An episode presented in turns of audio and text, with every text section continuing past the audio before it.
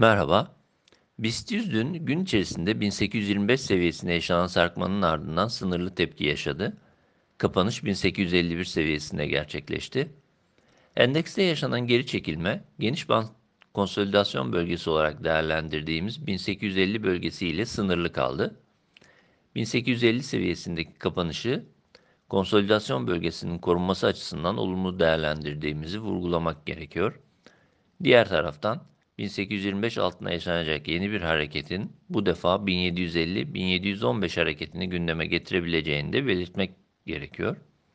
Endekste kısa periyotta yeni bir iyimserlik için ise ilk aşamada 1900 direnci, sonrasında ise 1950-2000 bandı üzerine geri dönüş gerektiğini söyleyebiliriz.